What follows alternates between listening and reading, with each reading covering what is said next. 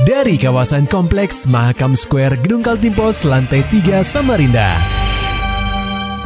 96,8 KPFM. Kita akan ikuti program KP Flash News.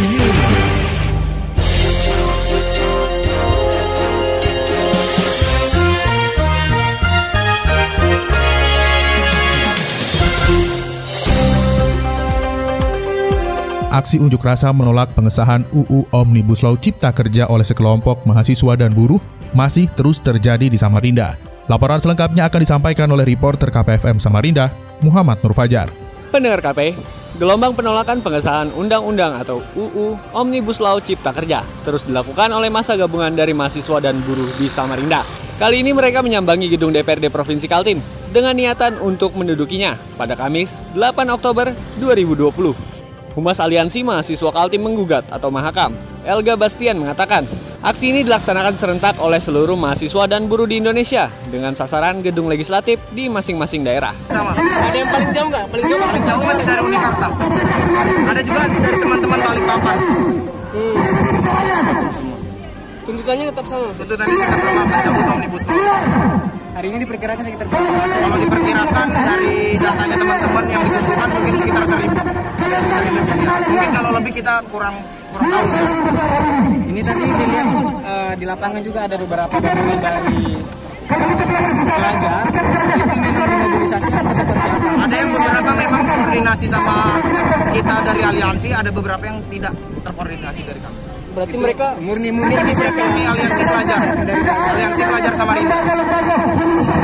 Berdasarkan pantauan KPFM di lapangan, tampak turut serta beberapa pelajar yang ikut turun aksi untuk mendukung perjuangan mahasiswa dan buruh. Elga berpendapat, aksi pelajar ini rata-rata merupakan inisiatif mereka sendiri.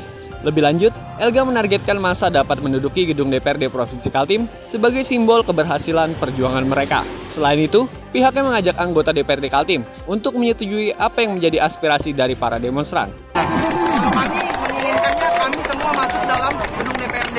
Itu tuntutan kami dan itu goalsnya kami. Dan kami mengajak DPRD Kaltim untuk menyepakati apa yang menjadi aspirasi kami. Seperti itu. Sampai saat ini, para demonstran masih melakukan orasi politik di depan gedung DPRD Kaltim sembari membakar ban. Aksi ini sempat memanas saat demonstran baru tiba di titik aksi. Namun situasi kembali kondusif ketika petugas kepolisian mulai mundur ke gedung DPRD Kaltim. KPFM Samarinda, Muhammad Fajar melaporkan. Pendengar KP, Polresta Samarinda kembali menyiagakan personilnya untuk mengamankan jalannya unjuk rasa penolakan undang-undang atau UU Omnibus Law Cipta Kerja di gedung DPRD Provinsi Kaltim, Kamis 8 Oktober 2020. Kabak Ops Polresta Samarinda, Kompol Erik Budi Santoso memaparkan pihaknya tetap akan melakukan penjagaan dengan kekuatan penuh untuk mengamankan jalannya aksi. 800 personil TNI Polri pun sudah dipersiapkan di berbagai titik di DPRD Kaltim. Meski sudah mempersiapkan personilnya, pihak Polresta Samarinda mendapat bantuan tambahan dari Sabara Polda Kaltim. Erik menyebutkan, satu kompi Sabara Polda Kaltim telah datang ke Samarinda sejak Rabu 7 Oktober 2020 apa kami konsolidasi dulu makanya ini kita apa konsolidasi kita hitung perkuatan karena kita besok juga masih akan bermain ya. kita akan masuk pengamanan jadi kita bagi anggota-anggota yang ini dan juga Sabara Polda sudah sampai di eh, di Samarinda untuk melakukan backup. Dan kalau untuk pengamanan besok apakah akan seperti ini atau ditambah personil pengamanannya? Sabara Polda baru saja sampai dia uh, satu kom, satu satu kombi Sabara Polda. Saya masih belum belum ngecek berapa jumlahnya dan 120. 120 personel tambahan dari Sabara Polda. Ditambah dari ini 800. Dari 800 ya, hampir 1000 berarti. Hampir 1000. Ya. Lebih lanjut, Erik berharap agar para pengunjuk rasa bisa menyampaikan aspirasi secara damai sehingga tidak terjadi keributan antara demonstran dan pihak kepolisian.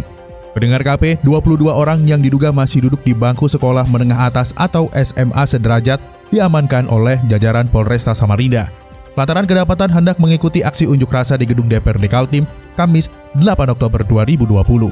Wakasat Reskrim Polresta Samarinda AKP Supriyadi menuturkan, orang-orang yang diduga pelajar ini tertangkap di dua tempat yang berbeda. Sebanyak 19 orang diamankan di Taman SMA Negeri 1 Samarinda dan tiga orang lainnya tepat di titik aksi yakni DPRD Kaltim. Ditangkap dua kali di tempat yang berbeda. Yang satu kali penangkapan itu dilaksanakan di Taman SMA Negeri 1 kadruning, terus yang tiga lainnya itu diamankan dari uh, lokasi unjuk rasa. Supriyadi membeberkan dari seluruh pelajar yang diamankan, empat orang di antaranya terindikasi sudah tidak mengenyam pendidikan lagi, sementara sisanya memang pelajar. Supriyadi menyebutkan dari tangan para pelajar ini, pihaknya menemukan barang bukti berupa alat kelengkapan unjuk rasa dan satu buah bendera merah putih beserta tangkainya. Guna penyelidikan lebih lanjut, tujuh orang yang diduga sebagai koordinator pelajar sedang menjalani pemeriksaan di Mako Polresta Samarinda. Untuk barang yang kita amankan dua pamflet kelengkapan unjuk rasa sama satu buah bendera merah putih beserta tangkainya. Langkah selanjutnya dari 22 orang yang kita amankan, 7 di antaranya sedang kita lakukan pemeriksaan secara mendalam. Untuk sementara, pihak kepolisian masih mengamankan para pelajar di Mako Polresta Samarinda. Supriyadi mengatakan, jika mereka terindikasi ada perbuatan melawan hukum, maka akan diberikan sanksi pidana. Jika tidak, mereka semua akan diberikan pembinaan saja. Angka kasus positif melonjak, rumah jabatan Gubernur Kaltim jadi posko COVID-19. Laporan selengkapnya disampaikan reporter KPFM Samarinda, Maulani Alamin. Pendengar KP, Provinsi Kaltim saat ini menempati peringkat ke-8 daerah dengan kasus COVID-19 terbesar di Indonesia. Ratusan orang terkonfirmasi positif setiap hari di bumi etam. Guna mempererat komunikasi lintas instansi di Satuan Tugas Penanganan COVID-19 di Kaltim, beberapa upaya dilakukan.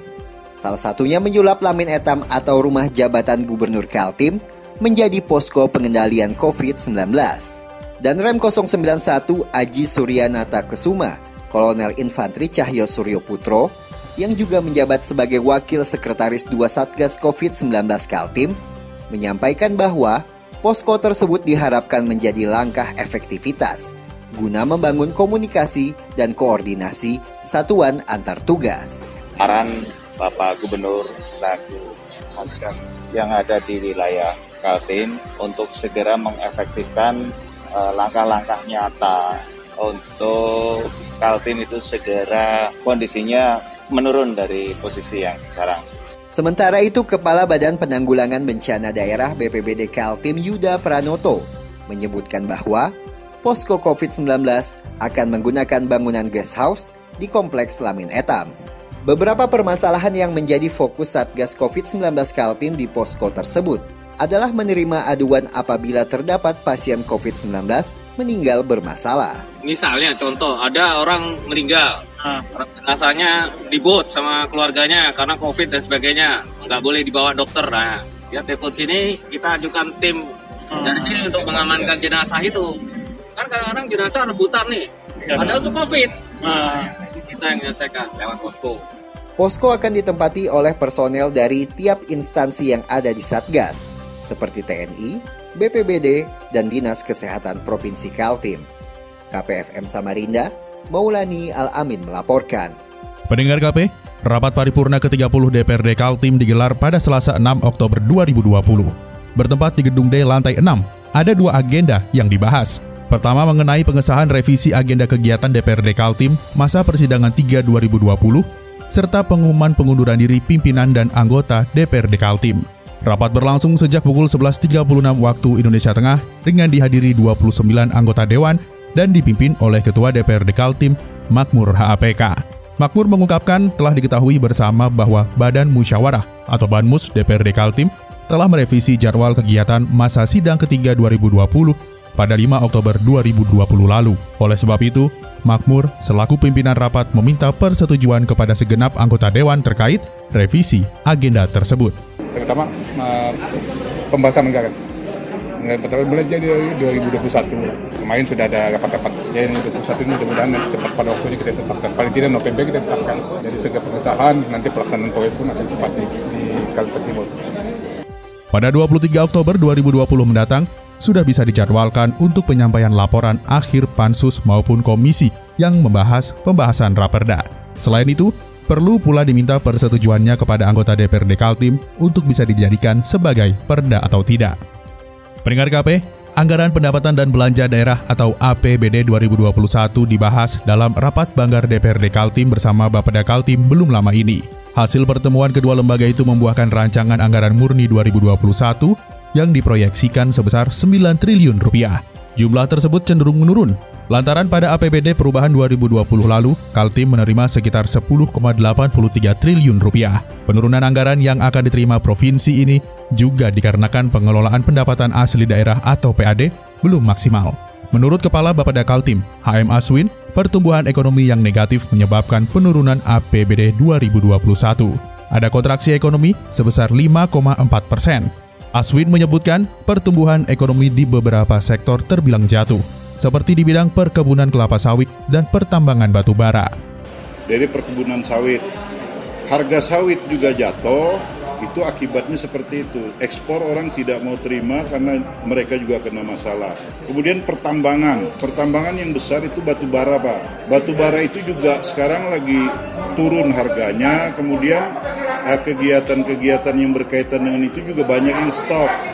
Kendati demikian, selama pandemi COVID-19, PAD Kaltim masih terbantu oleh sektor farmasi dan telekomunikasi. Aswin mengatakan pertumbuhan ekonomi di bidang tersebut meningkat. Namun, jumlah yang dihasilkan tidak sebanding dengan perkebunan dan pertambangan. Maulani Alamin, Muhammad Nur Fajar, KPFM Samarinda. Serta dapatkan berita-berita selengkapnya di www.968kpfm.co.id. Demikian tadi telah kita simak rangkaian berita-berita yang terangkum dalam program KP Flash News. Persembahan dari 96,8 KPFM. Terima kasih dan sampai jumpa.